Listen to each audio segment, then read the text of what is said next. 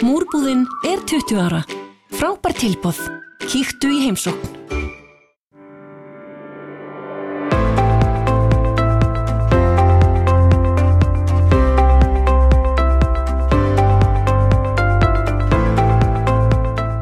Ellefu frambóð verða á kjörsælunum í komandi borgarstjórnarkostningum. Í hlaðvarpi kjarnans fá kjósundur að heyra um stefnuflokkana með orðum oddvitarna.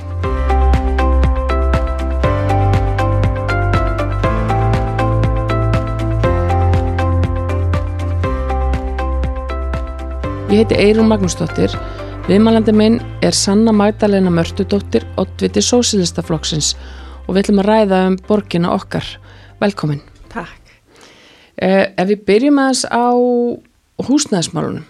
Þið eru með mjög skýra sín í þeim efnum og vilja borgin byggi sjálf. Útskýru það aðeins frekar. Emitt, um, eins og við sjáum stöðana í dag að þá er þessi nálgun sem hefur verið farið núna, hún er alls ekki aðvirka. Við sjáum að 930 er á bygglista hjá félagsbústum ef við tökum alla bygglista saman, þar að segja almennt félagslegt leiguhúsnaði, bygglist eftir íbúðum sem að henda eldriborgurum, fölluðu fólki og hérna heimilislösu fólki sem er með miklar og flóknar þjónustu þarfir og þetta er emitt, e, þessi bygglisti hefur alltaf verið til staðar og það er alltaf fólk á honum og það eru barnafjölskyldur, einstæðfóreldrar og að við sjáum líka þessa stöðu að emitt hérna Brynja, húsjaður, öryrkja bandalasin sem hefur verið að gera frábæra hluti hefur lokað á nýjar umsóknir. Þegar við skoðum hjá þjóskrá hvaða einstaklingar er að kaupa nýja íbúð þá sjáum við bara það er erfiðara fyrir einstaklinga að kaupa fyrsta íbúð á meðan að fólk sem að á íbúð nú þegar er að kaupa íbúð nummið tvö og jáfnvel fyrirtæki að kaupa íbúð nummið tvö. Þannig sjáum það að húsnæði er að fara í hendurnar á eigna fólki þannig það er ekki verið að byggja upp fyrir fólki neyð. Þetta er svona litið á húsnæði sem fastegn en ekki heimili þannig við þurfum að breyta þessu og lítið með þetta húsnæðis uppbyggingu sem heimili fólks og sem mannréttindi og þurfum þess að félagslega uppbyggingu sem að hefur verið að eiga sér stað í löndum í kringum okkur þar sem sveitafélög er að fara beint inn á þessa uppbyggingu og er að byggja sjálf. Og það er það sem við eh, viljum að Reykjavíkuborg geri, að Reykjavíkuborg sjáu um þessa uppbyggingu og líti á og skilgreni húsnaði sem félagslegt. Eins og staðinni núna þá þarfstu að uppfylla mjög þraung skilirði, bæði fjárhagslegt og félagslegt til þess að geta fengið félagslegt húsnaði og við segjum, herði, húsnaði er eitthvað sem við eigum allir rétt á, þetta er mannréttindi, þannig við þurfum að útvika þessi skilirði og þannig að borgin hún sé sjálfa byggja, hún getur gert það og þannig að fleiri þá eru falli inn í þetta kerfi sem húsnaði er þá hjá borginni. En þessir bygglistar sem þú nefnir, uh, samanlagt 930 á bygglista, af hverju telja þetta hafi sapnast svona upp? Það er ekki verið að, það er í fyrsta lagi þá eru félagsbústæðir náttúrulega ekki að byggja almennar íbúðir. Uh, þau eru að kaupa á markaði og hérna við sjáum bara að það gengur ekki að félagsbústæðir séu bara að kaupa. Heldur borgin þarf að fara sjálf í það að byggja. Þannig að þegar það er alltaf verið að kaupa einhverju íbúður hér og þar, að það er bara ekki, það er ekki nóg. Þannig að borginn þarf að fara bara beint í þetta verkefni að byggja. Og, og hérna og þau hafa aldrei sagt einhvern veginn nei það við getum ekki verið að gera það. Og hérna verið að koma með alls konar svona eitthvað svona já félagslega blöndun og við fyrirum að byggja bara mikið að þá myndir það ekki ganga upp. En ég menna fólk þarf húsnæði. Þannig að við þurfum að byggja, við sjáum til dæmis í Vínaborg að þetta hefur verið gert þannig að það er ekki eftir einhvern veginn segja svona já það hafi ekki verið að koma íbúðir inn á markaðin sem að henda okkur þannig við höfum ekki náða að kaupa þannig að meðan þurfum við fólk bara að býða þannig að það gengur alls ekki. Ykkar stefna gengur uh, mikið út á jöfnuð það mm. er mhm. svona uh, það sem þið gangið út frá í, í öllum ykkar stefnumálum uh, og eitt af því sem að þið vilja gera er að leggja útsvar á fjármastekjur Uh, Hvers vegna? Ef þú ert með fjármagstekjur, hefur tekið einar af fjármagni og ert ekki í launæri vinnu, að þá greiður ekki útsvara þínum tekjum í þennan sameinlega sjóð sem að við greiðum all í. Þetta virkar þannig núna að, að launafólk og, og hérna við sem erum í launæru vinnu, við greiðum all hluta á okkur tekjum mánægilega til Reykjavíkuborgar, til sveitafélagsins sem við búum í og þetta fyrir sameinlega sjóð og þessi sameinlega sjóður hann er nýttur í alla þessa þjónustu sem að borgin sinnir og sveitafélag eins og til dæmis uppbyggingu leikskóla og grunnskóla og sundlegar og menningastofnanir og, og hérna snjó mokstur og bara allt þetta sem að hérna, borgin þarf að sinna. Og útsvarið er veigamesti tekistofn borgarinnar, veigamesti tekistofn sveitafélaga þannig að það er ekki eðlilegt að ríkasta fólkið sem hefur tekið sínar á fjármægni að það sé ekki að greiða neitt af sínum tekjum til borgarinnar. Þannig að við viljum breyta þessu og það er náttúrulega ekki hægt nema með lögum frá alþingi og þetta er mikið hagsmunamál fyrir sveitafélagin þannig það er aðlilegt að Reykjavíkborg sé leiðandi í því að knýja á og, og ná fram þessum breytingum og svona fá samstöðu hinn að sveitafélagana og það var samþekkt í borgarstjórn, í borgarstjórnarsalunum til að frá okkur sósialistum um að skoða þetta nánar en því miður þá hefur það aldrei svona verið, verið síðan stopp þar. En þetta er náttúrulega hérna mitt hagsmunamál og, og réttlættismál því það er ekkert aðlilegt að já, láluna fólk og hérna örkjar og, og emitt bara um, millitekju hópar, láttekju hópar sé að greiða en ekki ríkasta fólkið. Því við eigum alltaf að greiða náttúrulega í hennan sammeila sjóðakar. Mm. Vitið hvað þetta er, er vita hvað þetta er stór hópur sem að er ekki að uh, greiða útsvar og, og heldur bara fjármastíkjur? Sko ég veit upp að þeina, ef við skoðum árið 2020 að þá ef að útsvar hefur verið lagt á fjármægstekjur eins og launatekjur þar sem við gerum ráð fyrir frítekjumarki að þá hefði Reykjavík og Borg geta fengið inn í borgarsjóð tæpa 7 miljardar. Þannig að borgin er að verða af mörgum miljardum á hverju ári út af þessu. Mm. En þú talar um, uh, þú nefndir hérna varðandi þessa tilugu að að hún er, þetta er tilega frá sósialistum, uh, hún er samþygt en, eða það er samþygt að skoðana þar að segja, hún er ekki samþygt en það er samþygt að skoðana og, og svo gerist ekkert. Er, er þetta svona veruleiki þeirra sem er í minnuluta í borgastjón? Já, sko ofta eru tilöðunar feldar eða hérna, þeim svona vísa frá en ég hef oft lengt í því að það er samþygt að skoða nánar tilöguna, þeim vísað til frekari skoðunar inn í, inn í eitthvað ráð. Þannig það er svona ekki alveg verið að henda tilögunni í ruslið, þannig að fyrst hugsaða maður svona já það er eitthvað verið að skoða þetta en að vilja til þess. En því miður þá hérna verðist það bara að vera einhver frestun eða einhver, einhver tími til að, einhver svona, já einhver leið til þess að kaupa sér tíma mögulega að þau vilja ekki alveg hérna um, falla tilögu en er einhvern veginn að fresta að eitthvað, ég veit ekki alveg hvað, hvað þau eru að gera með þetta. Um, eins og ég get nefnt sem dæmi, bara ég skil ekki sko að það var í april eh, 2020 sem að við sósilistar lögum fram tillögu um, vegna COVID og allar bara stöðunar sem að fyldi því að laun okkar borgarfulltrú að myndi ekki taka hækkunum eins og þau gera tviðsvarsunum ári sjálfkrafa Uh, vegna, já, bara vísitölunar vegna launavísitölunar þá hækkaðu bara sjálfkrafa. Og þegar þetta eru svona há laun að þá er þetta náttúrulega mikil hækkun. Og um, þessi til að hún hefur ekki ennþá verið afgreitt og það eru náttúrulega einhver svona viðmið um hvenar tilögur eiga að vera afgreitar og hvað þá að taka langan tíma. Og ég hef sendt inn fyrirspurnir og bara hver staðan á þessari tilögu af því þetta er náttúrulega eitthvað svona, hérna við erum í COVID bara ekki verið að hækka launin okkar og meðan þetta er í gangi.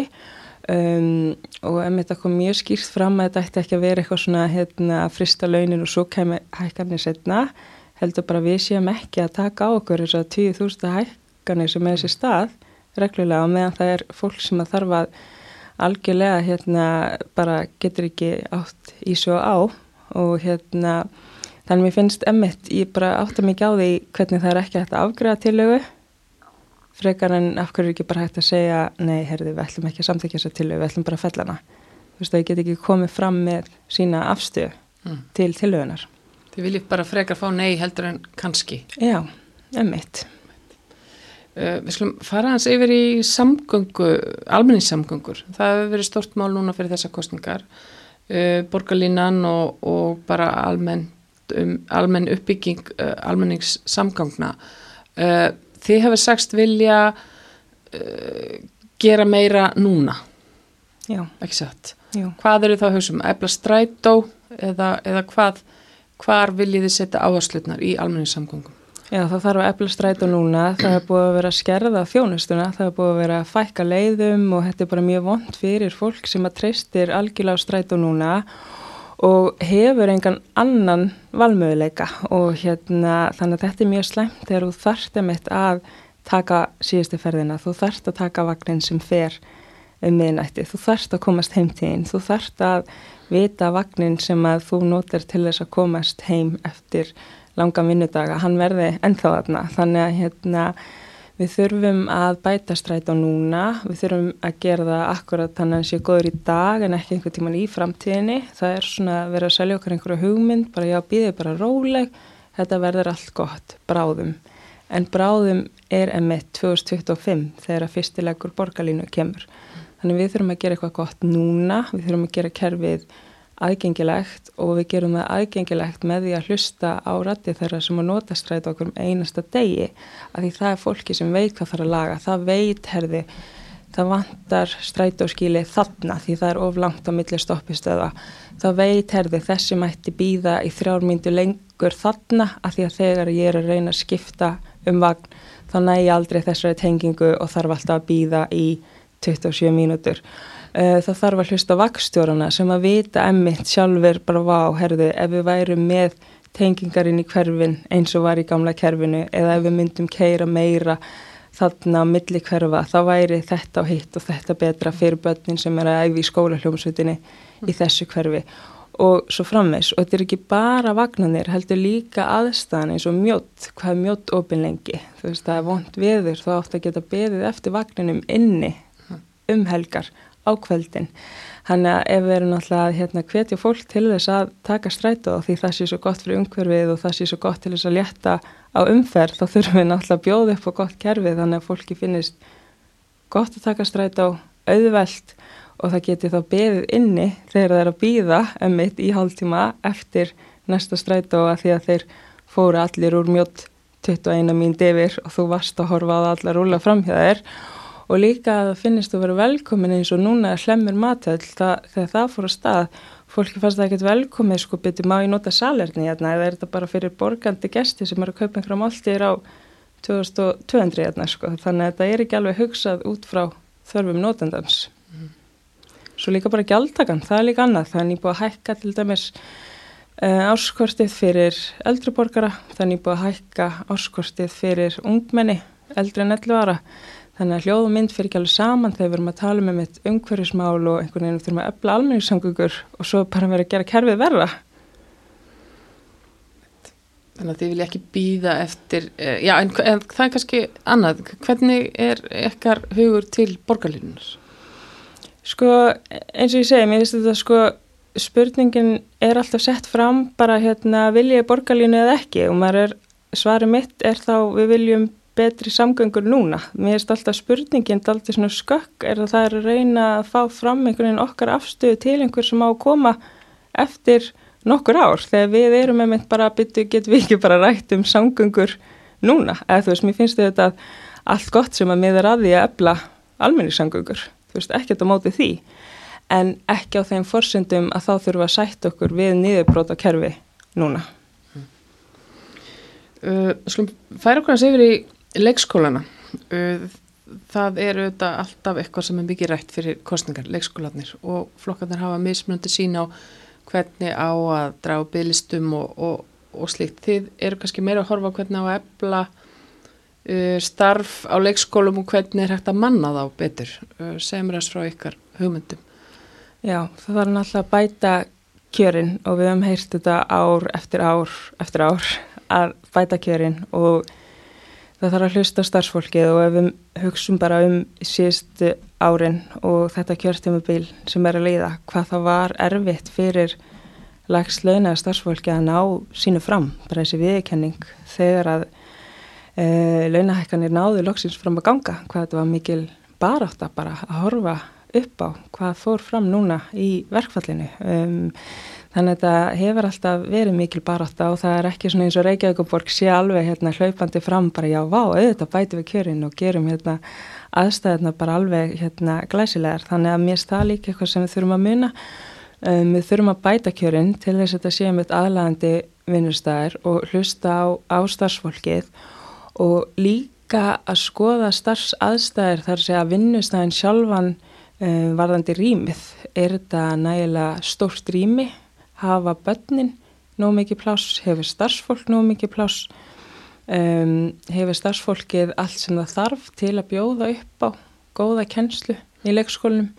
því að emmitt að tala um þetta sem fyrsta skólastíð en við heyrum að, að þeim vantar oft þau gögt sem þau þurfa í leikskólinum til að geta bóðið upp á emmitt bara góðan leikskóla og það skapar auðvitað líka álag þegar þú upplýðir að þú fáir ekki allt sem þú þarft inn á leikskólan um, þannig að líka emmitt að hugsa sko leikskólan sem emmitt bara svona mjög góðan stað og líka þar sem það er hugað að öllu eins og líka bara varðandi Varðandi bara hérna uh, rými og háaðamengun er til dæmis nóg vel gætt að því að eitt rými sé alveg hannað fyrir börn í kvild, annar rými sé hannað fyrir börn sem eru kannski einhverju tónlist, hitt rýmið hannað fyrir börn í einhverju svona listsköpun, þannig að huga öllu, öllu þessu, þannig að sért ekki alltaf uh, hlaupandi hraðar í litlu rými, þú veist, hugsa þetta allt, bara fermetrana, rýmið, aðgengið. Og líka rými sé hönnuð að mismöndu þurfum batna og hérna að börn fá allt allan það stöðning sem þau þurfa líka um, innan vekja skólans. Eða þau þurfa stöðning og, og hérna talmeina fræðinga eða aðra svona einhverja svona fag um, já, svona stöðning Þannig að þið eru raunin að segja að þið vilji, vilji ebla uh, leikskólana þið verið setja þá meira fjármagn í það, í það að byggja upp leikskóla. Já, algjörlega, þetta er bara með tryggjana grunn, að við séum ekki alltaf einhvern veginn ekki með grunnin í lægi og það er með kæmi, kæmi inn hérna útsverja á fjármagstökjur ef við erum alltaf að hérna, ekki að, rukka ríkastu fólki þá erum við ekki með nægilegt fjármagn og við þurfum að byrja þetta á þessum grunnstofum tryggja þær séu góðar. Mm. En hvað með leikskóla gjöldin? Nú eru margi flokkar sem hafa farið fram núna og sagt uh, leikskólinu að vera gjaldfrjáls. Mm -hmm. uh, hvernig, hvernig viljið þið hafa þetta? Við höfum einmitt sagt að frá byrjun að öll skólastig eða vera gjaldfrjáls. Það á ekki að kosta að vera bann. Bönn hafa enga tekjur og þau ekki að greiða gjöld. Það á bara ekki að vera gjaldaka fyrir það að vera í skóla. Við viljum ekki rukka fyrir skóla og eins og hefur komið fram, uh, ég var með fyrirspurnum þetta fyrir einhverju síðan, þá kemur fram að tekjur foreldra er um 9,3% í rauninni af, af rekstrinum, þannig að það er ekki eins og sé hérna uh, foreldra sé að greiði í rauninni það mikið til að halda leikskólinum gangandi, sko. Já, göld foreldra Já.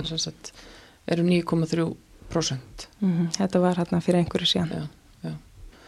Uh, En varandi, eins og varandi leikskólagjöldin, nú er það samt þannig að það er ákveðin svona hefð fyrir því við erum vöndi það kosti eitthvað að, að hafa barni í leikskóla. Uh, sjáu ekki fyrir ykkur að það mættir hennilega bara tekju tengja gjöldin, þannig að þeir sem að geta alveg borga, þeir bara borgi og, og það er þá borgi minna eða ekki neitt. Mm -hmm.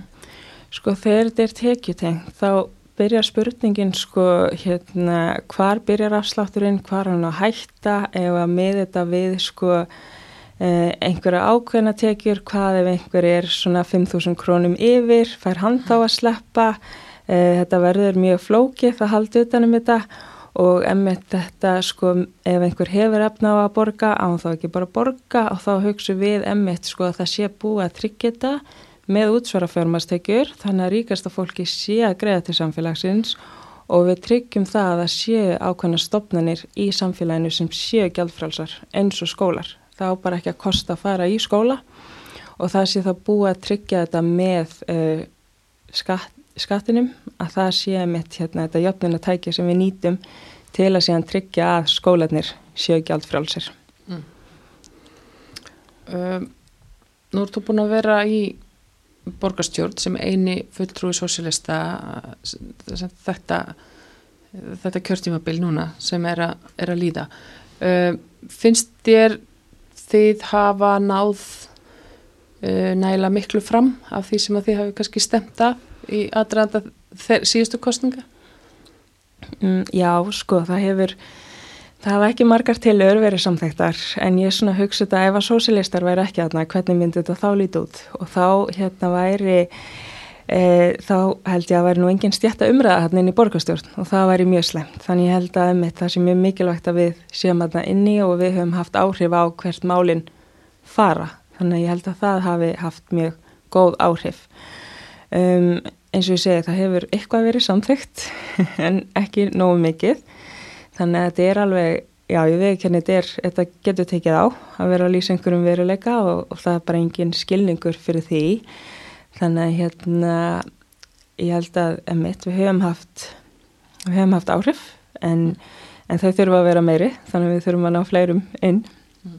Hvaða vendingar hefur þú núna fyrir þessar kostningar? Við þurfum að ná fjölmennum hópum hópi, sósélista inn og, hérna, og það, er, það er okkar markmið og, hérna, við viljum sjá vinstri sósélískan meirulita. Mm. Getið þið starfa með uh, hvaða flokki sem er í borgarstjórn? Nei, nei, það getum við ekki. Einhverju sem þið reynilega útilókið? Já, alla þess að hérna, auðvalds, auðvaldsflokka og bara alla hægri sinna flokka, það er hérna, við getum ekki starfa með þeim. En hvernig, svona, hvernig hefur þetta verið? Er þessi kostninga bara átt eitthvað frábriðin uh, eh, þeirri sem var síðast? Nú er þetta þekkja fleiri, nú er sósýðslaflokkurinn uh, betur kynntur, fólk mm -hmm. veit meira heldur en þetta fyrir fjórum árum. Mm -hmm. uh, er, er öðruvísi að hitta fólk og kjósendur núna? Mm, ég myndi ekki að sko segja að einhvern veginn að sé kannski öðruvísi, það er bara, núna eru við með hérna, aðstöði bólaldi sex, það er svona mhm. gaman að hitta fólk þar um, en já, þetta er kannski bara alltaf gaman að hitta fólk þannig að það er svona hérna skemmtilegt, það er kannski öðruvísi að kostningar aðeins fyrr núna uh, 14. mæ, það kannski hefur smá svona einhver, einhver áhrif um, en við erum bara halda áfram með þetta að tala við fólk og, og það er mjög skemmtilegt að hitta fólk, tala við fólk alls konar fólk, bara hér og þar þannig að það er svona alltaf kjarnin hjá okkur sko mm. En hver er ykkar uh, sín í uh, skipilagsmálum? Það er nú líka eitt af stóru málunum og það er talað um uh, þéttingu byggðar og, og svo eru aðri sem vilja reynilega bara dreifa byggðinni meira og, og, og bara breyka götur og þetta er svona, það er ákveðin átakalínur þarna.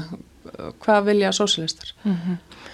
Sko þetta er einmitt þegar það er spurt út í þéttingu byggðar að þá er aldrei talað um húsnæðistöfnuna sjálfa. Það er einhvern veginn talað um sko þegar byggðu þétt og þá verður allt gott og þá erum við með þessi 15 minni hverfi sem eru góð og þá má við að þétta en þá má ekki ganga sko á hverfin þannig að þetta sjóruðu mikið sem að vissulega hefur verið gert í mörgum tilfellum um, en þegar að það er verið að byggja þá þarf við með þetta að skoða síðan húsnæðis stefnun og húsnæðis áallina. Það er aldrei að fara að vera nóg að bara þjætta og byggja og byggja og byggja. Ef húsnæði sem er byggt síðan hendar ekki þörfum fólks ef það er verið að byggja allt of dýrar íbúðir þá er það aldrei að fara að leysa húsnæðis vandan þannig að við þurfum að skoða mitt hvað er verið að byggja. Eins og Reykjavík og borgið með núna þá kynir hún sem sagt húsnæðis áallinna þannig að það stemt að því að 20 til 25% af nýjum íbúðum skuli þá vera innan þessa óhagnaðdrifins kervis og þannig erum við að tala um íbúðir sem eru þá stúdenta íbúðir og bara alls konar íbúðir sem eru þarna innan þessa kerfis. En við vitum að þessi formúla sem hefur verið nótið ár eftir ár að hún er alltaf að skilja vissan hóp eftir og það er fólk sem býr við ótryggar húsnæðs aðstæður þannig að við þurfum að breyta þessari formúlu til þess að tryggja að fólk fái örugt húsnæði. Mm. þannig að það er ekki nóg að bara byggja, byggja, byggja og segja einhvern veginn þetta verður allt hér um, þétt og góð byggð ef þetta eru síðan bara dýrar íbúður. Þannig við þurfum líka að skoða hvernig íbúður eru að byggja, hver eru að byggja. Við þurfum með þessa félagslega nálgun inn í húsnæðis áallununa að því annars endur við bara alltaf með íbúður sem að enginn er að kalla eftir. Að því að hérna, eins og emitt, eins og við fórum inn á í byrjunna þá er þessu bygglistar og, og það tala 860 manns í Reykjavíks í atvinnuhúsnæði meðal annars út af dýru verði á, á hérna, um, já, sem kostar bara að búa í húsnæði sem er hannað að að því að búa í því. Þannig að fólk er í atvinnuhúsnæði og það er talað um að þröngbili að það sé að aukast, það er, að það er of þröngt í húsnæðinu sem þú ert í og þetta er mest áberandi hjá látvíkjahópum þannig við sjáum það að uppbyggingar áhællin hún er einhvern veginn ekki sko hönnuð að þörfum þegar verð settu og þegar við lítum alltaf fram hjá þeim þá erum við ekki að fara að sjá borg sem að hendar þörfum okkar allra. Þannig að skipilags stefnan, skipilags áallunin hún hefur ekkert verið að taka alla með í reikningin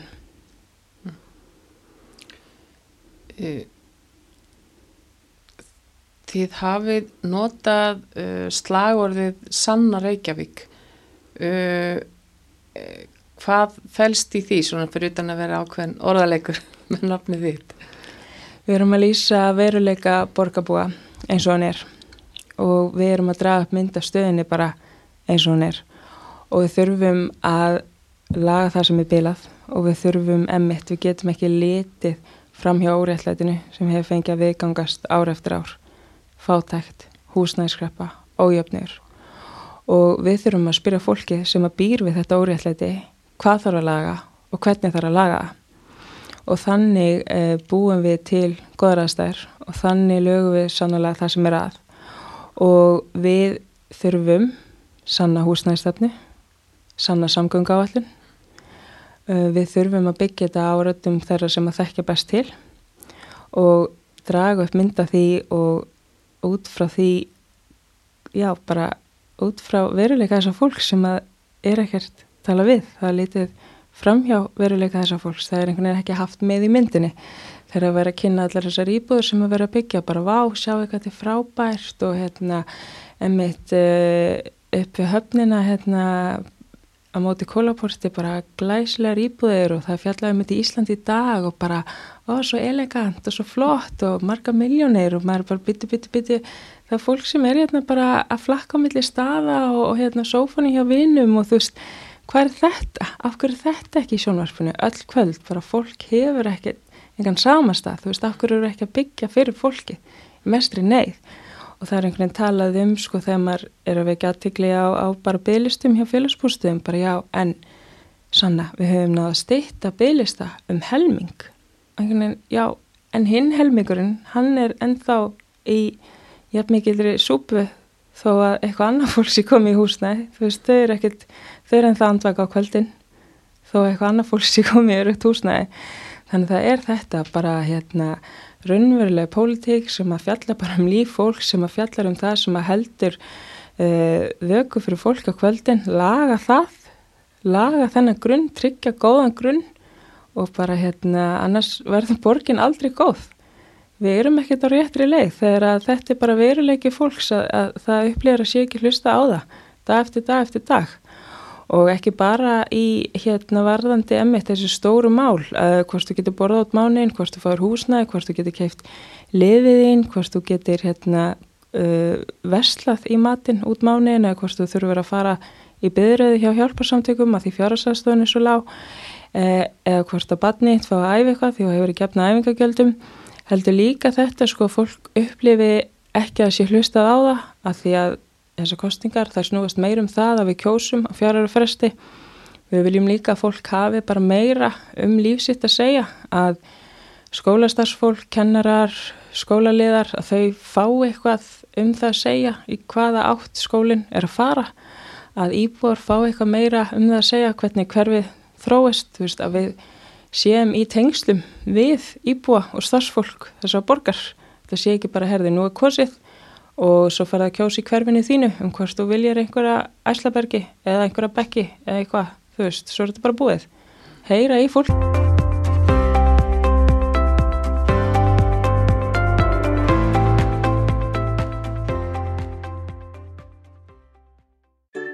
Allt fyrir vorverkin, múrbúðin, gott verð fyrir alla, alltaf.